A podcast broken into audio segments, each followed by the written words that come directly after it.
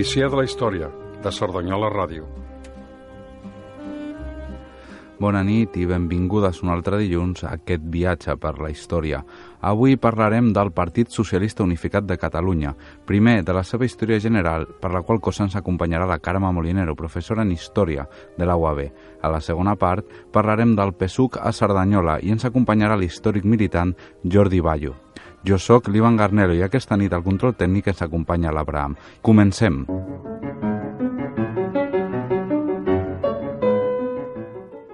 Bé, avui ens hem traslladat eh, per aquesta primera entrevista al Departament d'Història Moderna i Contemporània de la Universitat Autònoma de Barcelona i ja tinc al meu costat, que parlàvem al començament del programa, a la, a la professora catedràtica, doctora en Història, Carme Molinero.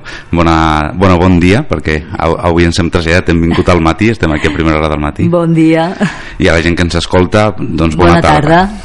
Uh, com dèiem, la Carme és catedràtica en Història aquí a la Universitat Autònoma de Barcelona, professora al Departament d'Història Moderna i Contemporània a la Facultat de Filosofia i Lletres i és doctora en Història. L'any 83 va defensar la, la tesi en aquesta mateixa casa, en la UAB, i aquesta tesi tractava sobre el salari i nivell de vida a l'àrea industrial de Barcelona entre l'any 39 i l'any 51 del segle XX. Entenem tota aquesta àrea industrial que parlàvem mm. abans, no només la ciutat de Barcelona, sinó Sabadell, Terrassa, fins i tot mm, Manresa, tot el que implicava entre els diversos llibres i publicacions perquè ha tractat mm, s'ha treballat, has treballat molt en el, el franquisme mm, i pel tema que avui parlarem del, de la història del SUC destacarem dos llibres per si algú també li interessa. Un d'ells publicat a, a l'editorial RBA l'any 2010 és Els anys del PSUC al partit de l'antifranquisme 1956-1981 de això dèiem de l'any 2010 i l'altre publicat l'any 2017 de l'hegemonia a l'autodestrucció el Partido Comunista d'Espanya 1950 1986-1982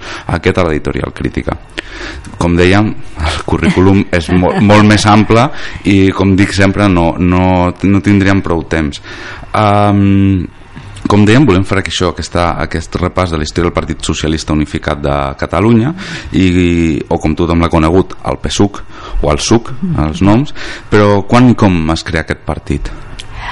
El SUC es crea l'any 1936, el juliol del 36, el 23, eh, justament eh, després eh, del cop d'estat eh, de, mm, de Franco, eh, eh, de juliol, del 18 de juliol.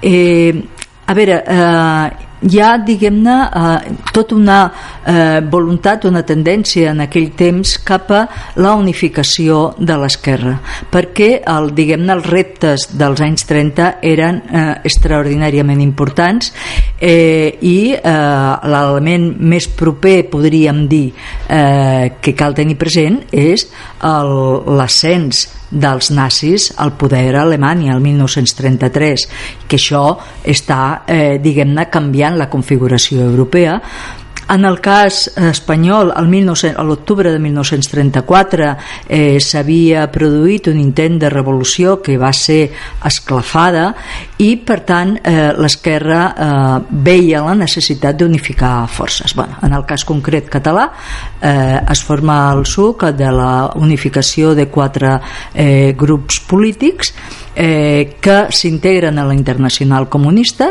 es defineixen com un eh, partit eh, de classe i, i nacional i eh, el seu secretari serà en Comorera i eh, té, diguem-ne, d'especial i això serà un tret que es mantindrà al llarg del temps que és eh, Espanya és l'únic estat en el que hi haurà dos eh, partits comunistes dins de la internacional.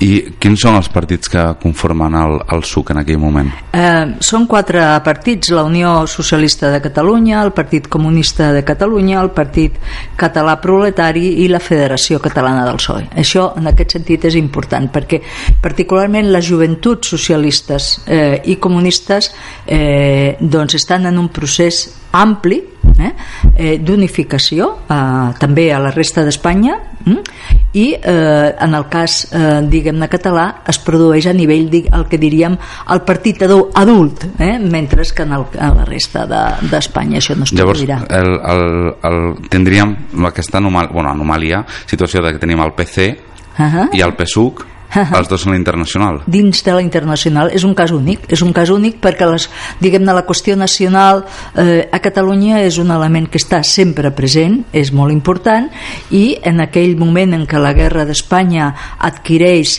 eh, tanta importància a nivell internacional eh, a nivell europeu doncs eh, s'accepta que això sigui així Bé, i l'any 39 el feixisme guanya la guerra a Espanya l'1 d'abril, dia de la victòria i el, el PSUC és un grup contrari a, a tot això que l'anomenaran el movimiento i serà il·legalitzat, perseguit i els seus membres represaliats um, com és viu, com és, i bueno, perdó, comença a viure en la clandestinitat com és la clandestinitat? Què, què vol dir això per al PSUC?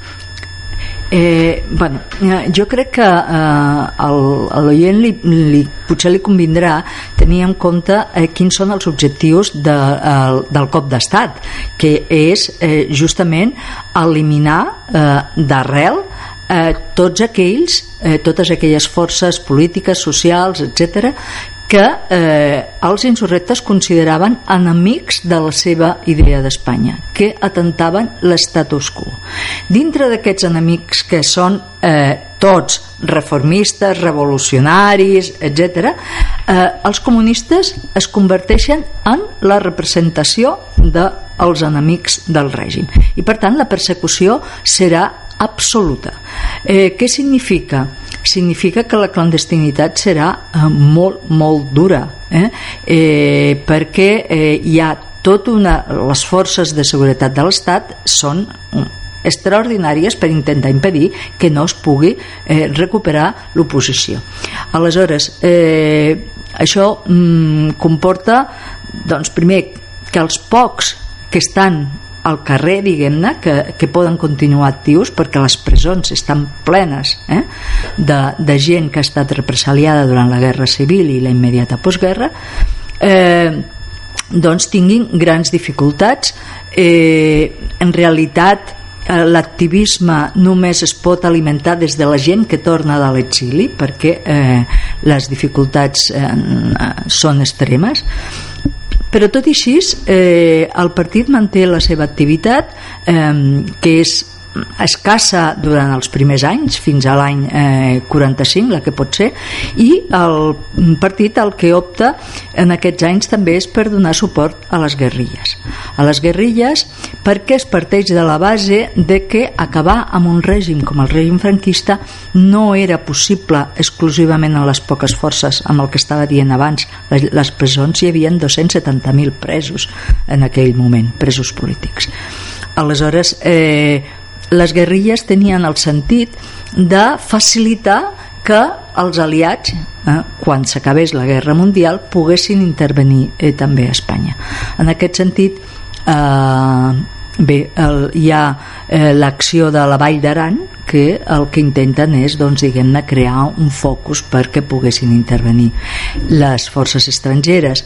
Com en realitat eh, aquesta voluntat no existirà mai també s'ha de dir que l'acció la, de la Vall d'Aran serà un fracàs absolut però cal tenir en compte eh, que el règim mobilitza 10 vegades més d'homes que no pas els propis guerrillers. És a dir, eh, les xifres perquè no són eh, definit, bueno, no, no és possible saber exactament quanta gent però estava, es, es parla sobre 6.000 guerrillers que ocupen la Vall d'Aran i el règim mobilitza entre l'exèrcit, la Guàrdia Civil etc 100.000 homes. O sigui, va ser un fracàs absolut.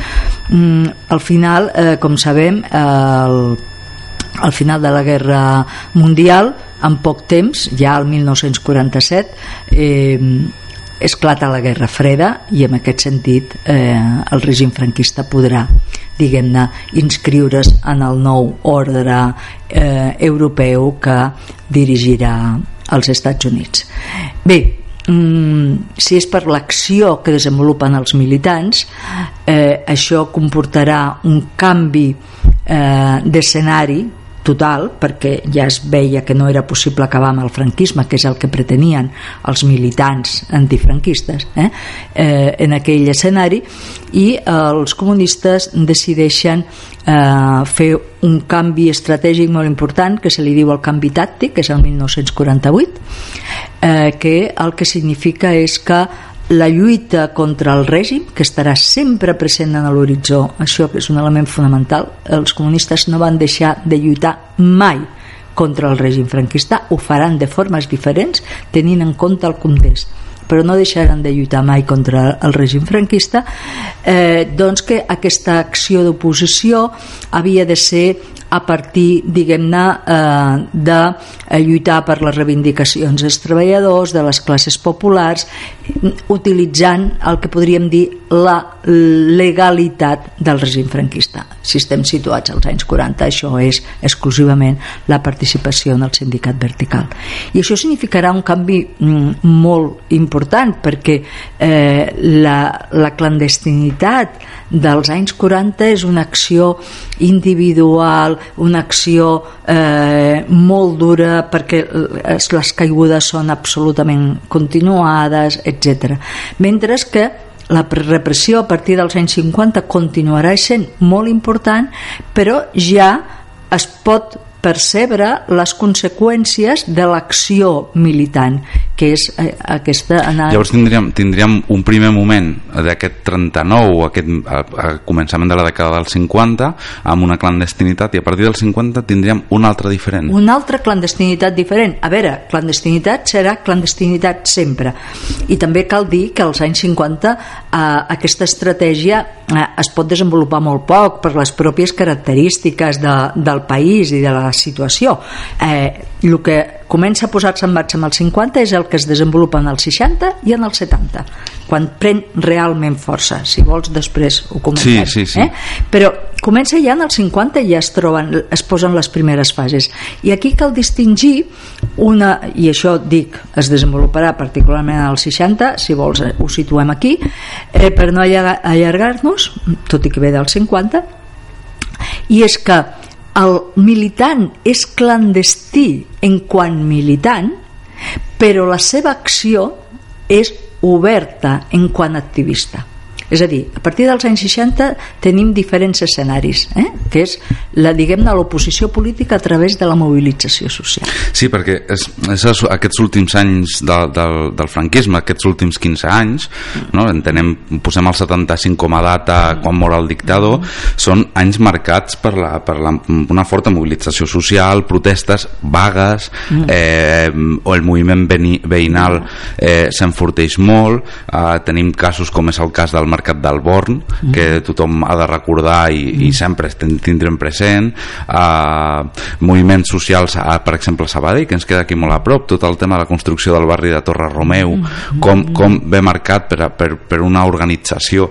Però en, en aquests fets de, de tots aquests moviments quin és el paper concret del PSUC en aquell mm. moment, perquè viu encara en la clandestinitat mm. i alguns testimonis sempre s'expliquen, no? el gent que va viure aquell, aquella època diu bueno, és que nosaltres no coneixíem a qui era l'altre després més endavant que sí que vam clar. començar en, en reunions clar, a veure, és el que, eh, el que clar, mm, els historiadors són molt lents en les explicacions perquè volem, eh, les coses van de mica en mica i si no no s'acaben d'entendre aleshores, això el que jo com a estratègia estratègia d'actuació comença en els 50 i dic que es desenvolupa en els 60.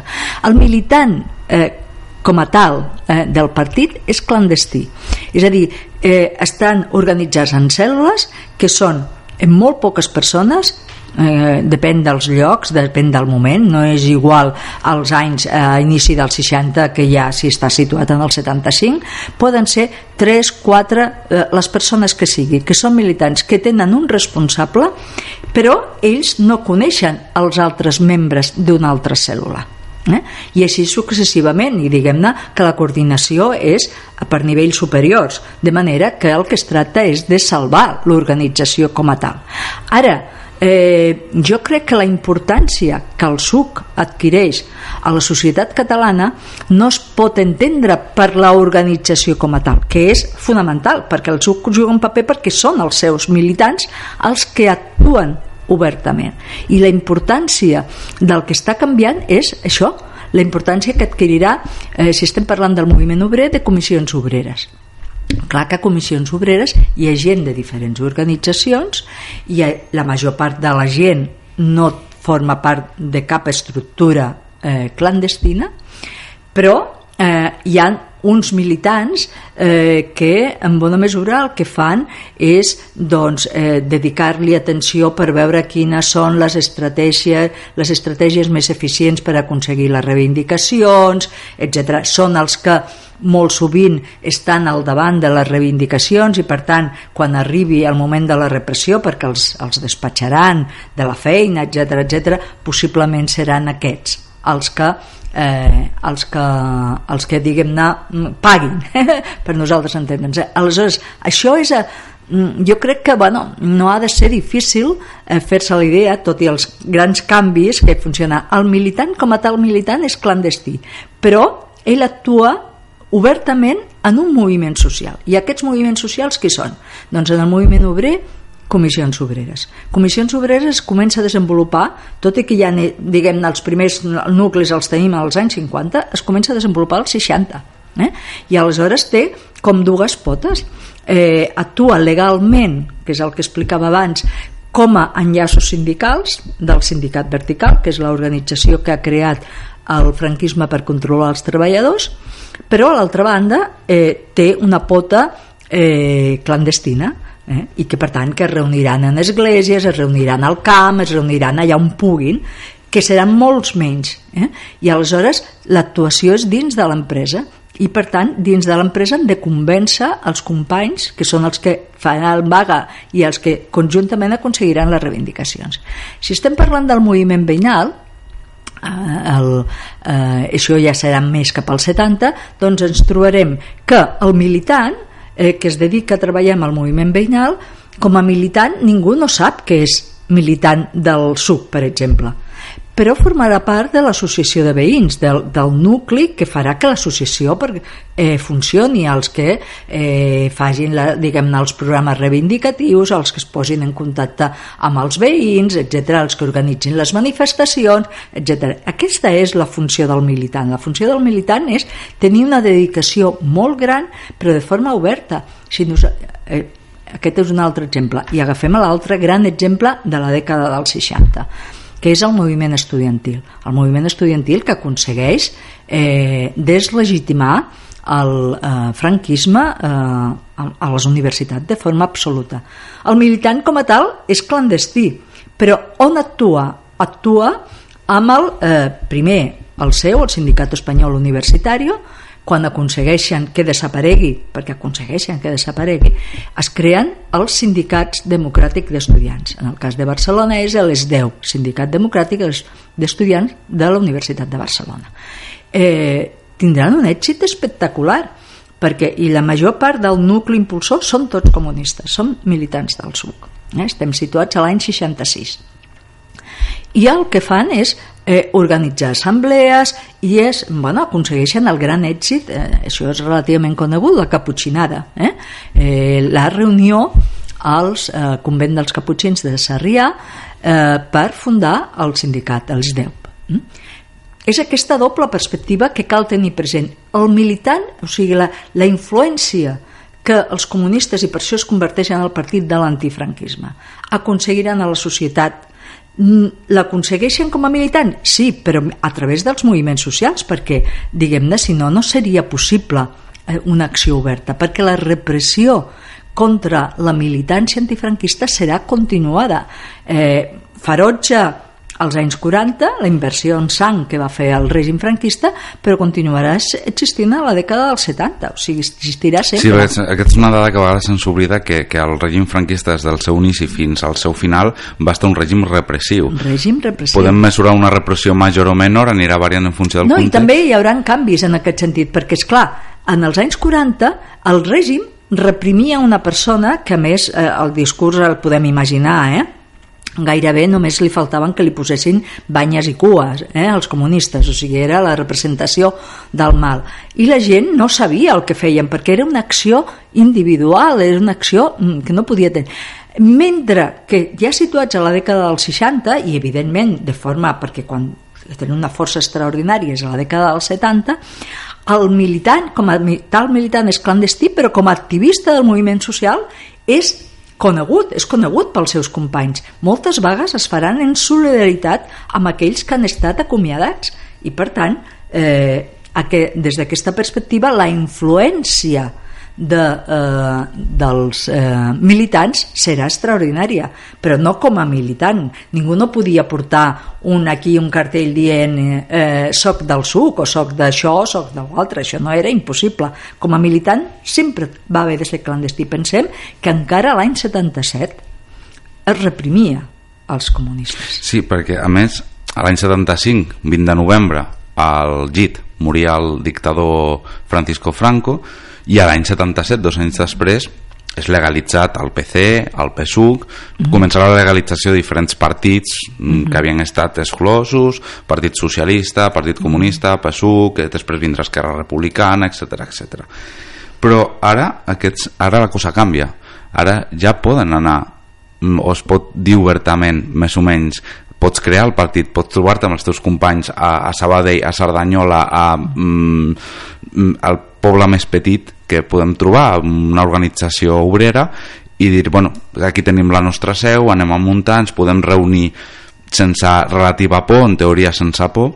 Com és aquest canvi? Com som aquests primers anys ara ja entrant en el que seria o el que s'ha anomenat l'entrada a la democràcia, l'inici de la transició? Sí, deixa'm dir-te, eh, mm. perquè si no el, l'oient a lo millor pensa que aquest procés és relativament fàcil i no ho serà eh? Eh, el 1975 al novembre morirà Franco però la mort de Franco no significa la mort del franquisme estava tot absolutament dissenyat per aconseguir eh, que amb un altre cap d'estat eh, continués vigent el règim eh? Eh, Juan Carlos eh, és, arriba a la, a la jefatura de l'Estat eh, com eh, el monarca del 18 de juliol. Així havia estat, havia jurat els principis del moviment, etc etc. Eh, el primer intent, el primer govern de la monarquia, eh, eh, perquè és que si no després les coses no s'entenen, eh? el primer govern de la monarquia és un govern que, clar que ha de fer una reforma, però vol impulsar una reforma dins dels paràmetres franquistes, una reforma del règim. És la mobilització social, una mobilització àmplia en la que hi ha diferents organitzacions, evidentment, però en la qual sempre els comunistes són el nucli fonamental, l'organització, eh, el PC a la resta d'Espanya, el SUC a Catalunya. El més important, la mobilització impedirà que aquest projecte de reforma del règim s'imposi i això és el que obliga a farà caure a, Car a Carlos Arias Navarro i que Adolfo Suárez eh, pugi, diguem-ne, sigui nomenat eh, cap de govern. Ell, justament per aquesta experiència, el que intent, haurà d'anar més ràpid i ja sap que evidentment mm, diguem-ne sense tenir projecte eh, va veient justament per l'acció de l'oposició de que no podia fer-se una reforma del règim i finalment el que es farà és obrir les portes a un canvi de règim, que és el que volia l'oposició. I en aquest sentit els militants juguen un paper fonamental. De tota manera, encara, eh, mm, evidentment, eh, el govern estava disposat a estava disposat perquè no hi tenia una altra alternativa quina democràcia seria aquesta a legalitzar tots els partits polítics però no tots el, uh, Suárez no havia pensat mai en legalitzar els comunistes. I evidentment tampoc les forces que estaven diguem-ne a l'esquerra del Partit Comunista eh, les forces revolucionàries. De cap de les maneres però és justament la realitat de l'acció d'aquesta oposició la que li fa veure que no és possible no legalitzar el PC evidentment però fixa't, eh? estarem a l'abril de 1977. Han passat dos anys. Han passat, eh? Han passat, eh, i per tant, dos anys no, però un any i mig sí. I per tant, eh, clar, això serà un, un canvi radical en el moment en què ja es produeix la legalització o dels comunistes, a partir d'aquí s'obria la porta. Però no pensem que aquest procés de la transició es mora Franco eh, ve la democràcia, eh, tal. no, de cap de les maneres. I fins i tot, estàvem preguntant, a l'any 77 i els següents, els següents anys que vindran, fins a les següents eleccions que comencen, etc etc. Aleshores, eh, aquí, jo, aquí és on jo volia, i enllaço ara amb la pregunta eh, que tu feies. És clar, el que passa és que eh, això estem a la mes d'abril, eh, les eleccions són el 15 de juny. El SUC serà la força, com a tal força, més votada a Catalunya, eh? com a resultat d'aquesta acció que ha desenvolupat al llarg dels anys anteriors. Perquè els més votats eren els socialistes, però els socialistes en aquell moment era una coalició, encara no eren partit. Eh? I per tant, però bueno, en qualsevol cas, això cal recordar-ho també. A Catalunya és l'esquerra la guanyadora de les eleccions de, de juny de 1977 què passa? Que el que passa és que a partir d'aleshores eh, el paper de la militància és completament diferent i això eh, tindrà les seves conseqüències. Sí, pots tenir els teus locals, etc. però el protagonisme dels militants en la societat a través de el que explicava abans dels moviments socials eren els propis militants els que, perquè era una lluita contra el franquisme i una lluita per l'ampliació dels mecanismes de la democràcia. I per tant el, el militant tenia un gran protagonisme perquè havia de tenir molta autonomia eh, en, en els seus moviments. A partir de les eleccions les institucions adquireixen un gran protagonisme perquè a més s'ha de fer tot el procés constituent cosa que tampoc no volia eh, els governs anteriors però els resultats electorals forcen a que el procés fos un procés constituent. Clar, aleshores el centre de l'activitat política eh, passa a les institucions. I en aquest sentit el militant es queda mm, ja no té el protagonisme que tenia abans. Si això sumes un element que pels comunistes és fonamental, que és el marc, l'escenari de crisi econòmica. La cri o sigui, eh, mm, s'havia generat l'expectativa que la democràcia eh, seria, significaria l'eliminació del que significava el franquisme, però que eh, diguem-ne, aquelles consecucions que havien tingut les classes populars amb la seva mobilització en els anys anteriors continuarien. I resulta, clar, no estava previst, però va ser així, la crisi del 73, la crisi del petroli, que, que la coneixem així, és més coses, però bueno, eh, comporta un escenari completament diferent. I per tant, eh, els treballadors que fins ara anaven lluitant per millorar les seves condicions, a partir d'aquest moment han de lluitar per no empitjorar les seves condicions, per començar per no perdre el seu lloc de treball i el que això comporta. És un escenari completament diferent que fa que a partir del 77, però particularment del 78-79, les dificultats eh, augmentin extraordinàriament perquè, al partit. Perquè a partir dels anys 80, l'any 81-82, comença a produir-se aquesta crisi interna del suc que acabarà amb un trencament intern i després mm. tota una evolució cap a lo que seria Iniciativa per Catalunya, mm. aquesta coalició que se sentarà com a partit que hem conegut durant molt de temps en, el cas de mm. Catalunya, Iniciativa per Catalunya Verds, també en el cas de la resta d'Espanya, en el cas del Partit Comunista evoluciona cap a lo que és Esquerra Unida. Mm -hmm. um, per què? què? Què passa? Com es produeix aquesta a veure, crisi? El suc com... com a tal, eh, ja sé que hi ha continuïtats històriques i que hi ha qui es reclama i tal. El suc que nosaltres coneixem, el, bueno, que coneixíem, és a dir, el que té aquest, aquesta presència social extraordinària, eh, s'acaba el 1981, el cinquè congrés del, del, del partit eh, comporta una crisi definitiva perquè entre altres coses es fragmenten en tres parts i per tant eh, deixen eh, de ser el que havien estat.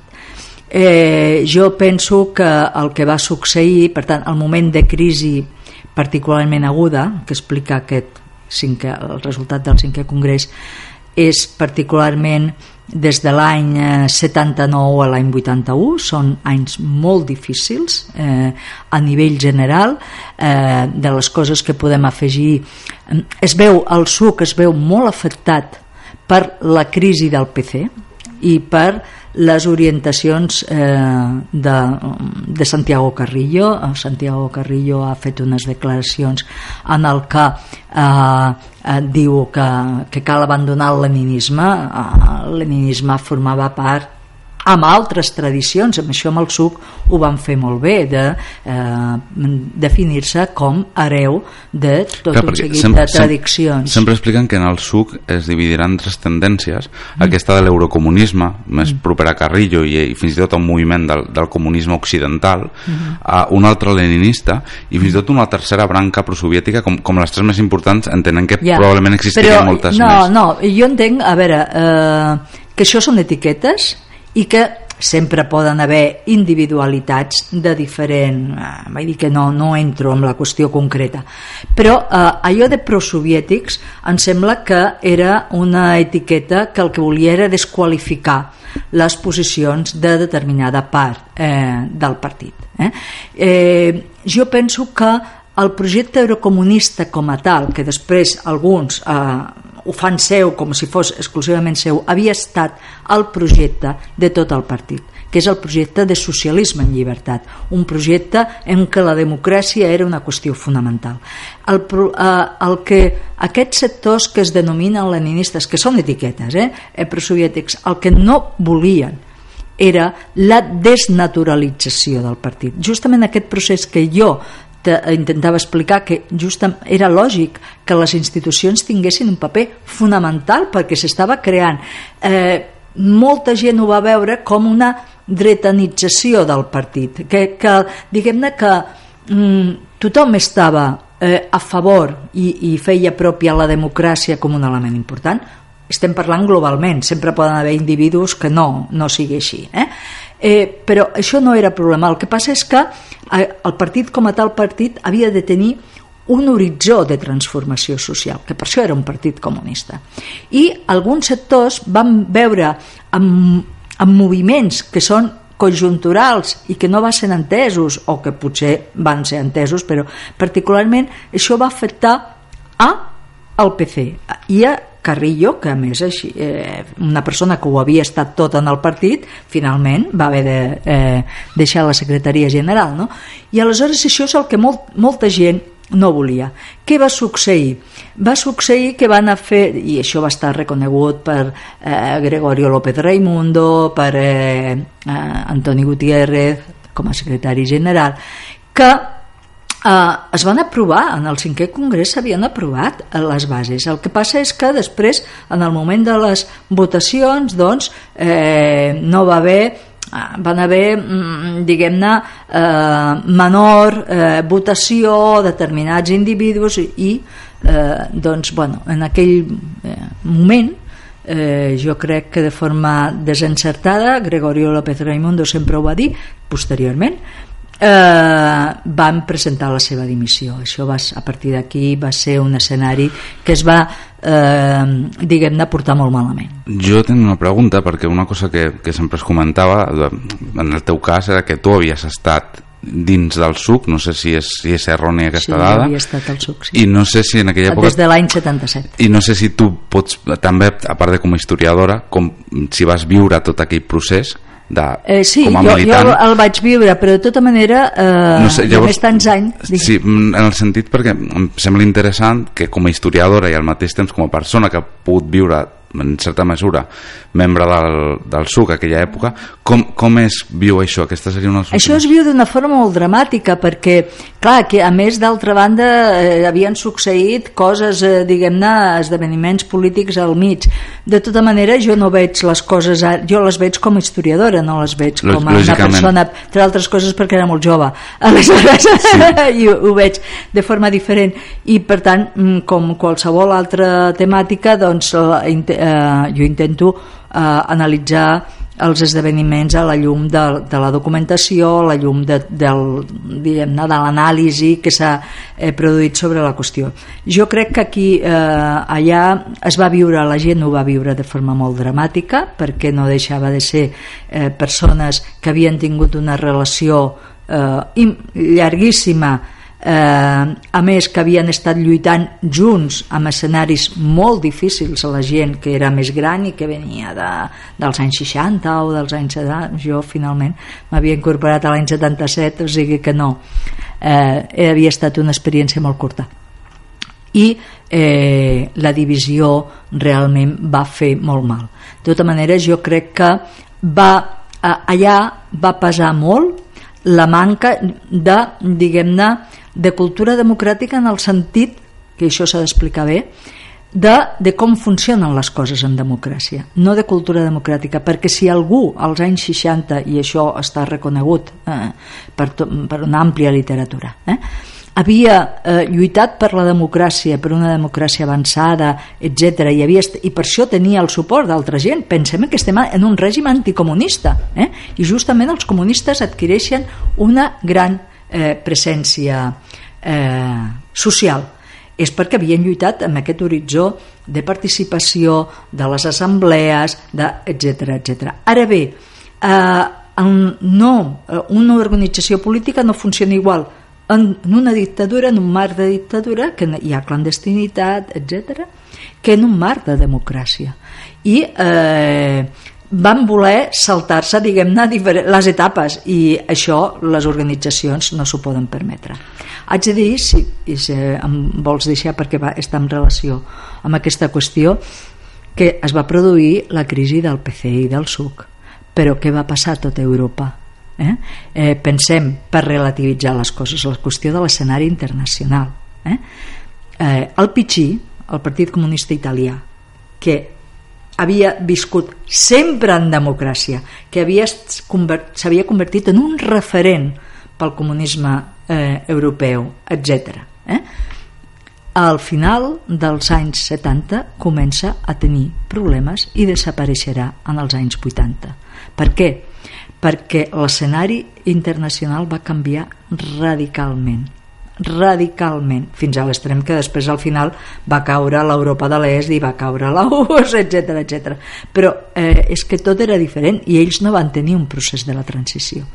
Moltes vegades eh, es diu és que va ser, tal com es van fer les coses les transicions, la culpa de la desaparició d'un partit que era bueno, un partit el més potent de tots. Molts, aquests problemes que tenen els comunistes no els tenen els altres. Per què? Perquè és que no, havien, no hi havia organització abans. Eh? Els socialistes van reaparèixer, diguem-ne, a partir de 1973-74. Clar, allà no hi havia problemes interns.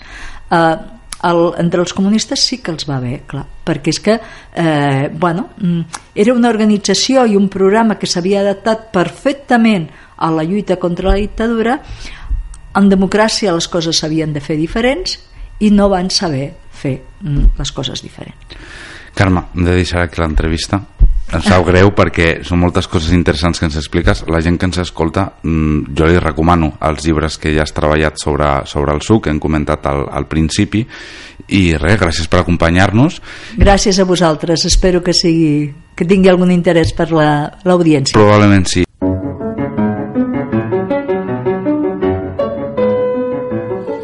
Bé, ja estem amb aquesta segona entrevista i tinc aquí al meu costat, a la meva esquerra, el Jordi Bayo. Bona nit, Jordi, benvingut. Bona nit, és, és Balló. Ah, Balló, val. No passa res. Val, hem oblidat l'accent, a vegades passa. El Jordi és històric militant del PSUC i ja com avançàvem al principi del programa avui parlarem una mica de, del PSUC del Partit de, Socialista Unificat de Catalunya a Cerdanyola.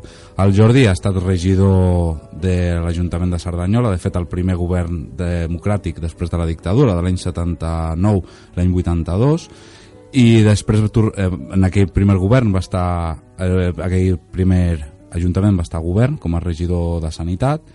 I després de l'any 95 a l'any 99 tornaria a ser regidor, ara ja, si no m'equivoco, l'oposició en aquesta etapa, amb el, el PSC, amb una coalició del Partit eh, Comunista, dels Comunistes de Catalunya, Iniciativa per Catalunya i els Verds.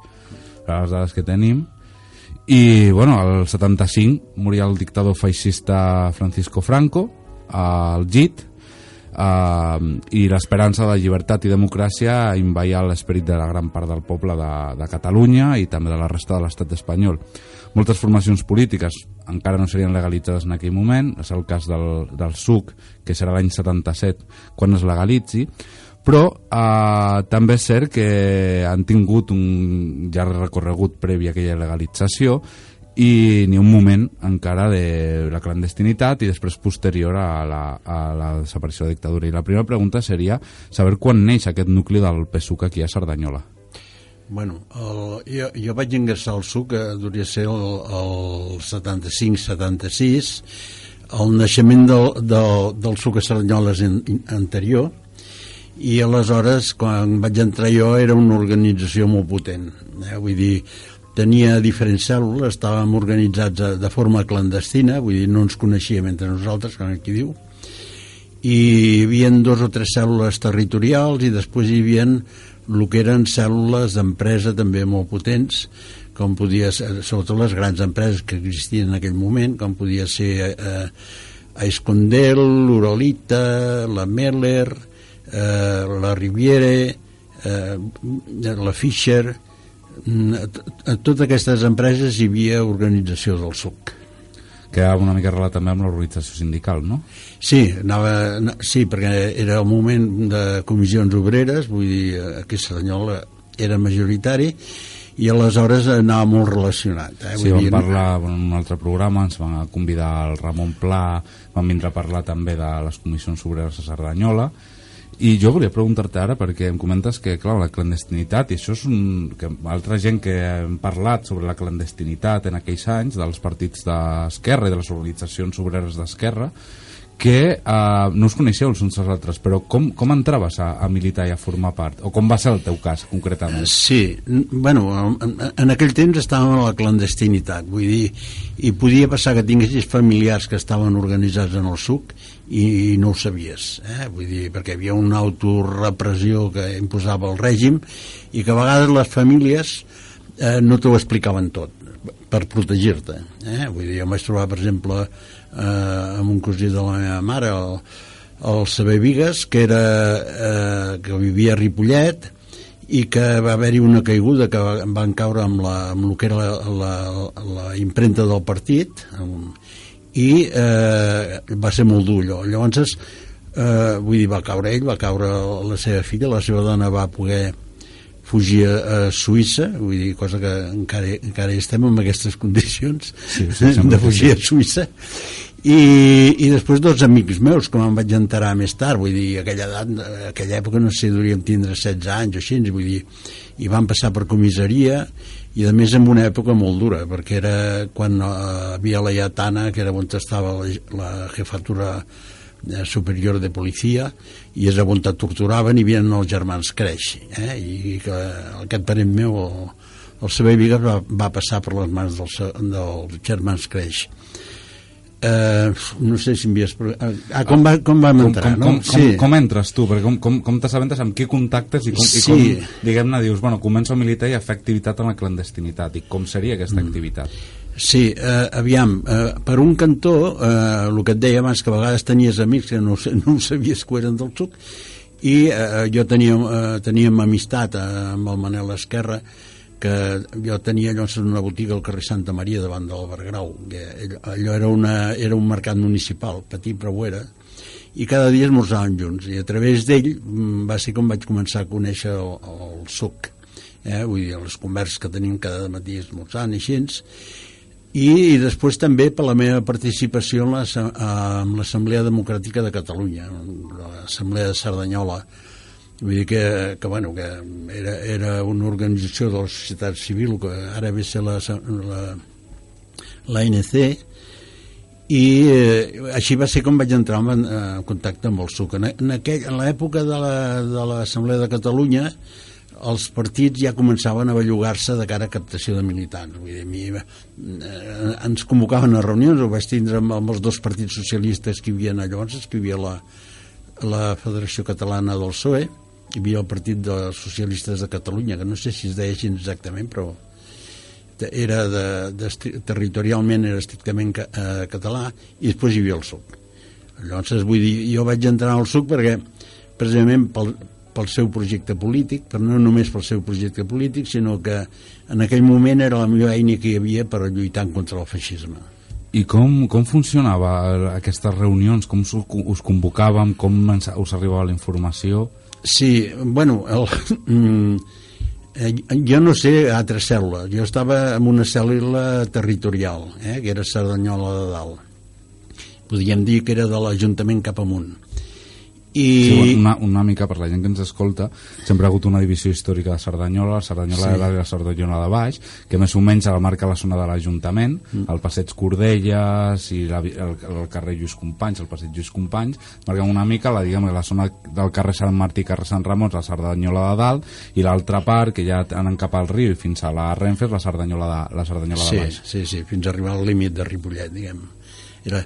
Sí, llavors jo estava en, en aquesta cèl·lula érem una cèl·lula molt nombrosa, vull dir, i eh, érem gent que estàvem organitzats territorialment, per tant no, no s'estava en cèl·lules d'empresa i també hi havia molts estudiants de la Universitat Autònoma.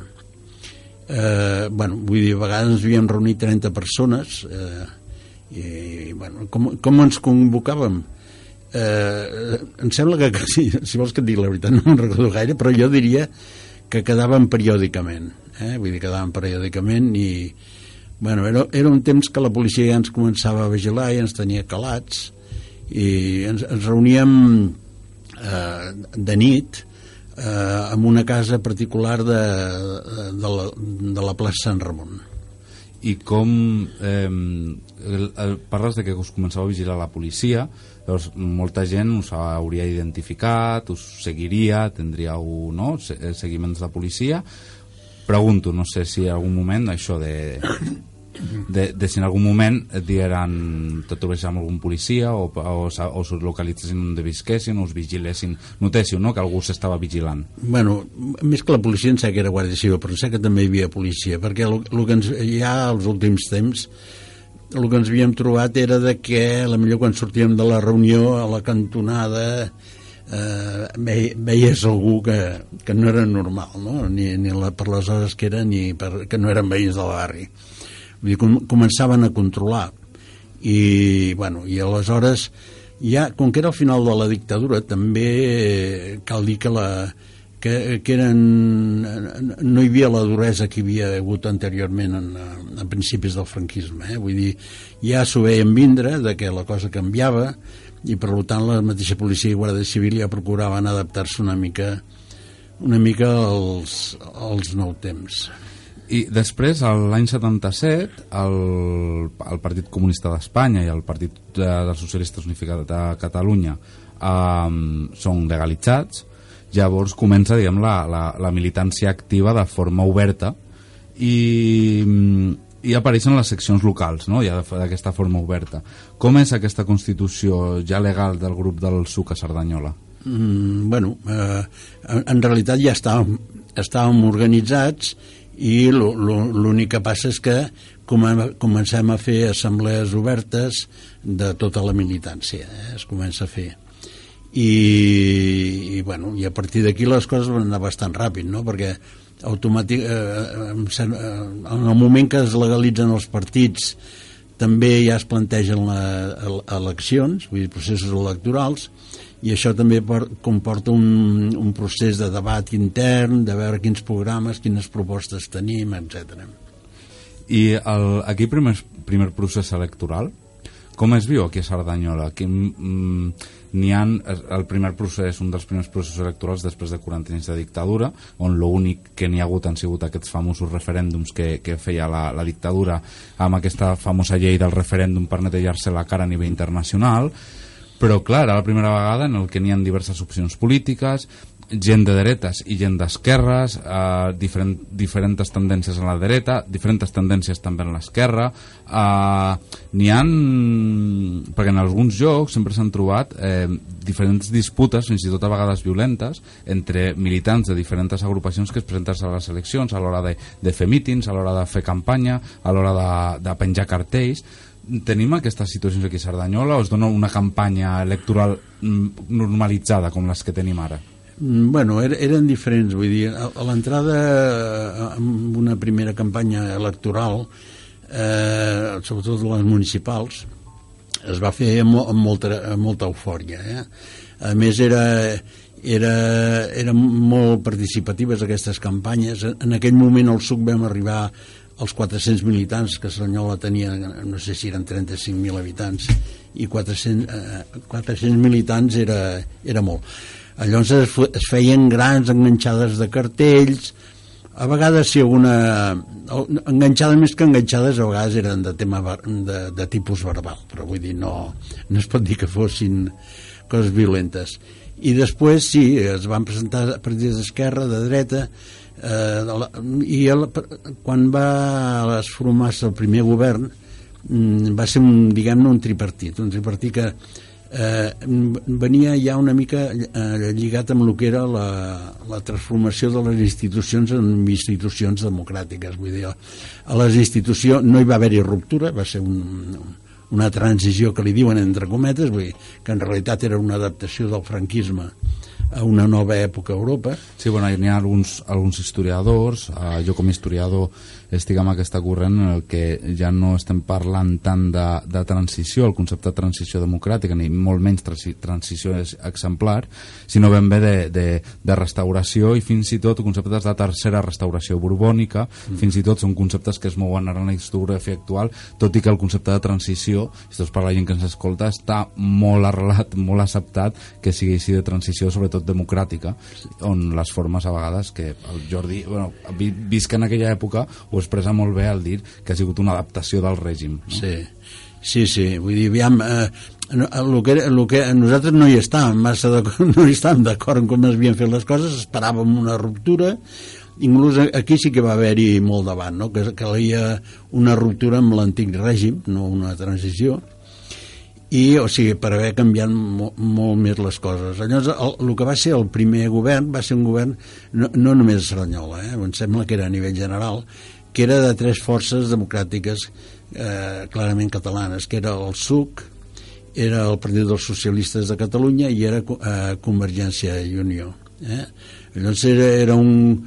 En el govern també reflectia això. Eh? Vull dir, érem, eh, érem, les tres forces estaven en el govern de Cerdanyola i el, el, la resta de, de polítiques, perquè Cerdanyola és una ciutat que ja ho hem parlat amb, amb l'historiador Ramon Martos, sobretot el tema de, de creixement urbà de Cerdanyola als, des dels anys 50-60, era una ciutat completament obrera. Havíem passat d'una ciutat agrària durant molt de temps a una, a una ciutat obrera.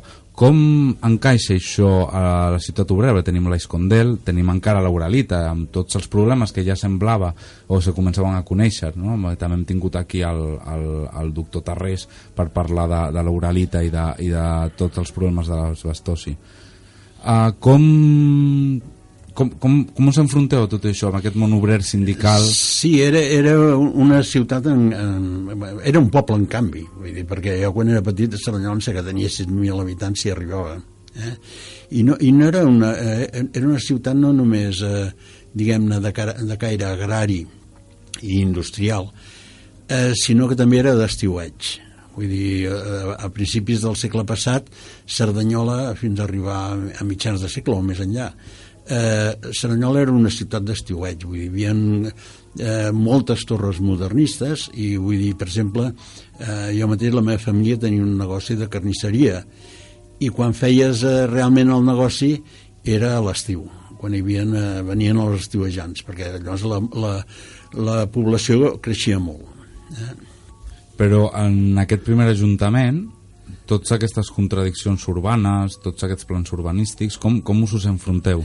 Perquè Cerdanyola era una ciutat caòtica que havia crescut i ho sabem, i està, o, no ho ha comentat moltes vegades, que va créixer i fins i tot avui es, es nota que és una ciutat policèntrica. Molta gent que ha vingut aquí, o visitants, jo, o companys, amics que han vingut, sempre li sorprèn que tinguem com diversos centres urbans, no? tenim el centre, tenim les Fontetes, tenim Canaletes, tenim l'Avinguda Catalunya, tenim Serra Parera, no? Com, com us enfronteu a això?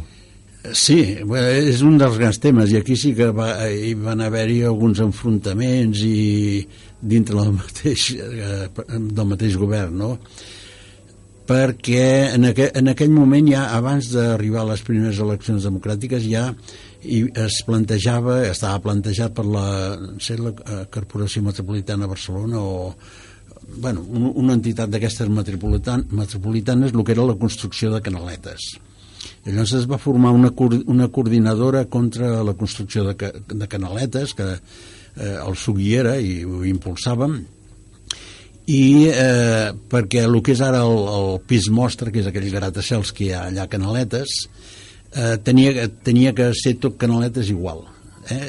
a més no es plantejava que hi haguessin no estava planificat serveis ni sanitaris ni escolars i ja, estava fet el que era la infraestructura diguem de clavegaram i això això el primer que vam fer quan vam entrar a l'Ajuntament va ser aturar-ho eh? vull dir, no va ser fins als cap d'uns anys que diguem la societat civil i, i, tam, i també el mateix suc van perdre força que eh, es va tirar endavant eh? vull dir, quan, quan no hi havia una oposició forta Després hi havia el que és el centre direccional, el que ara... Bueno, sí, no sé si, el centre... Continua existint, avui continuem amb aquesta contradicció i també és interessant veure el SUC, aquell, com, com s'enfronta també, governant. Sí, bueno, llavors, aviam, el que és el centre direccional, el que es va pressionar molt i vam aconseguir eh, que, fo, que fos urbanitzable però no programat, amb la qual no es podia desenvolupar. Eh? Era urbanitzable però no programat aquí va haver-hi una gran oposició. Va ser, va ser més tard, quan eh, el, en, en, en, el, va ser en el, en el 92, el 1992, bueno, abans del 92, uns anys abans, quan des de Barcelona, quan es plantegen els Jocs Olímpics, necessiten col col·locar alguna de les fàbriques i alguns, eh, sí, sobretot fàbriques sobretot la Olivetti, l'Espan Olivetti que estava per allà a la plaça de les Glòries, com que necessitaven l'espai per fer eh, les instal·lacions olímpiques, qui manava la corporació metropolitana eh, era, era Barcelona. Eh? Vull dir, llavors nosaltres estàvem dintre d'aquesta corporació i va ser el, el, el Pasqual Maragall qui va pressionar perquè es tornés a programar el que era el centre direccional que la, la, la, el primer objectiu era col·locar la Hispano Olivetti. Els hi van regalar els terrenys, van col·locar allà la fàbrica i, i clar, això va permetre a Barcelona poder edificar allà eh, temes per l'Olimpiada. Acaba una mica en aquesta història del suc a Cerdanyola, sobretot és la gran crisi del, del PASUC a nivell de Catalunya que es produeix als anys 80. Però com afecta i com es viu a Cerdanyola en aquells anys 80, any 81, 82, aquest trencament del suc Home, va, va, va ser bastant dur, eh? Vull dir, perquè el, el, el tema és que mm, el suc, mentre, mentre la clandestinitat era la millor eina que hi havia per lluitar contra el, el franquisme, eh, molta gent s'hi va afegir per això, com a eina per lluitar contra el franquisme. Quan comença la, quan, eh, comença la democràcia i llavors es comencen a diferenciar-se diferents corrents polítiques és quan eh, es, eh, es produeix aquest, aquest trencament. Hi ha, hi ha un gran debat a dintre, a dintre del SUC. Eh, a Cerdanyola eh, la, la majoria ens aliniem amb el, que és el Partit dels Comunistes de Catalunya i inclús eh, ens arriben ja cap al final del, del primer mandat de, de l'Ajuntament ens arriben a expulsar de, de, del partit ens expulsen del partit els que érem regidors que tots érem del Partit dels Comunistes de Catalunya i, i que la majoria del partit pues, queda en el Partit dels Comunistes de Catalunya i només eh, per substituir set regidors només van aconseguir set, tres persones per substituir-los. Bueno, va ser, va ser molt dur vull dir, a més eren com t'he dit abans, eren èpoques de, que no es, no es produïa massa de debat no s'estava acostumat al debat i es, forma, es, es participava d'una forma molt jeràrquica eh? Vull dir, i aleshores eh, normalment el que, el que acostumava a passar és que et veies en pes quasi tothom alinear-se amb uns o amb els altres i sense massa debat de, de fons. I quan desapareixerà el PSUC com a PSUC aquí a Cerdanyola ja oficialment? El, el SUC oficialment eh, en realitat eh, desapareix quan es produeix el, el trencament perquè queda, queda iniciativa, queda el PCC Eh, sí, queda un suc molt, molt residual, però molt, vull dir, eren 4 o 5 persones, no, no recordo ara, eh? vull dir, igual, igual m'equivoco. I, i, i el suc arriba un moment que quan es constitueix iniciativa, diguem-ne que el suc, sí, eh, molta gent del suc eh, són els que formen iniciativa, i, eh, i desapareix és més tard quan des de Madrid s'impulsa el, el que era el suc viu, però el Paco Frutos i companyia però era com una, una manera de contrarrestar el que era el Partit dels Comunistes de Catalunya en un moment en què tenia el reconeixement del Partit de, del Comunista d'Espanya de, i és llavors que el Paco Fructos, que sempre ha sigut un gran anticatalanista, eh, impulsa el que era el suc viu per contraposició amb el del Partit dels Comunistes de Catalunya. Bueno, Jordi, uh, sense acabar ja el temps, uh, te volem agrair-te que ens hagis vingut aquí a, a, explicar una persona que ha viscut tota l'evolució del, del, del suc a Cerdanyola i, i res, a les portes del nostre programa i les portes de Cerdanyola Ràdio també, per parlo en nom de tothom que, que fa Cerdanyola Ràdio, sempre estan obertes a que vinguis aquí i vinguis a parlar-nos d'aquestes vivències. Moltíssimes gràcies i bon any.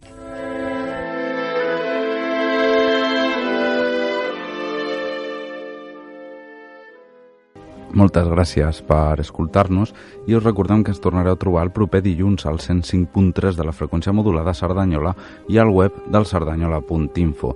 També podeu seguir-nos al Facebook, Twitter i Instagram i des d'aquesta setmana ja trobareu al e-box els podcasts dels nostres programes a part del web de l'Info. Moltes gràcies per escoltar-nos, bona nit, bona setmana i fins dilluns.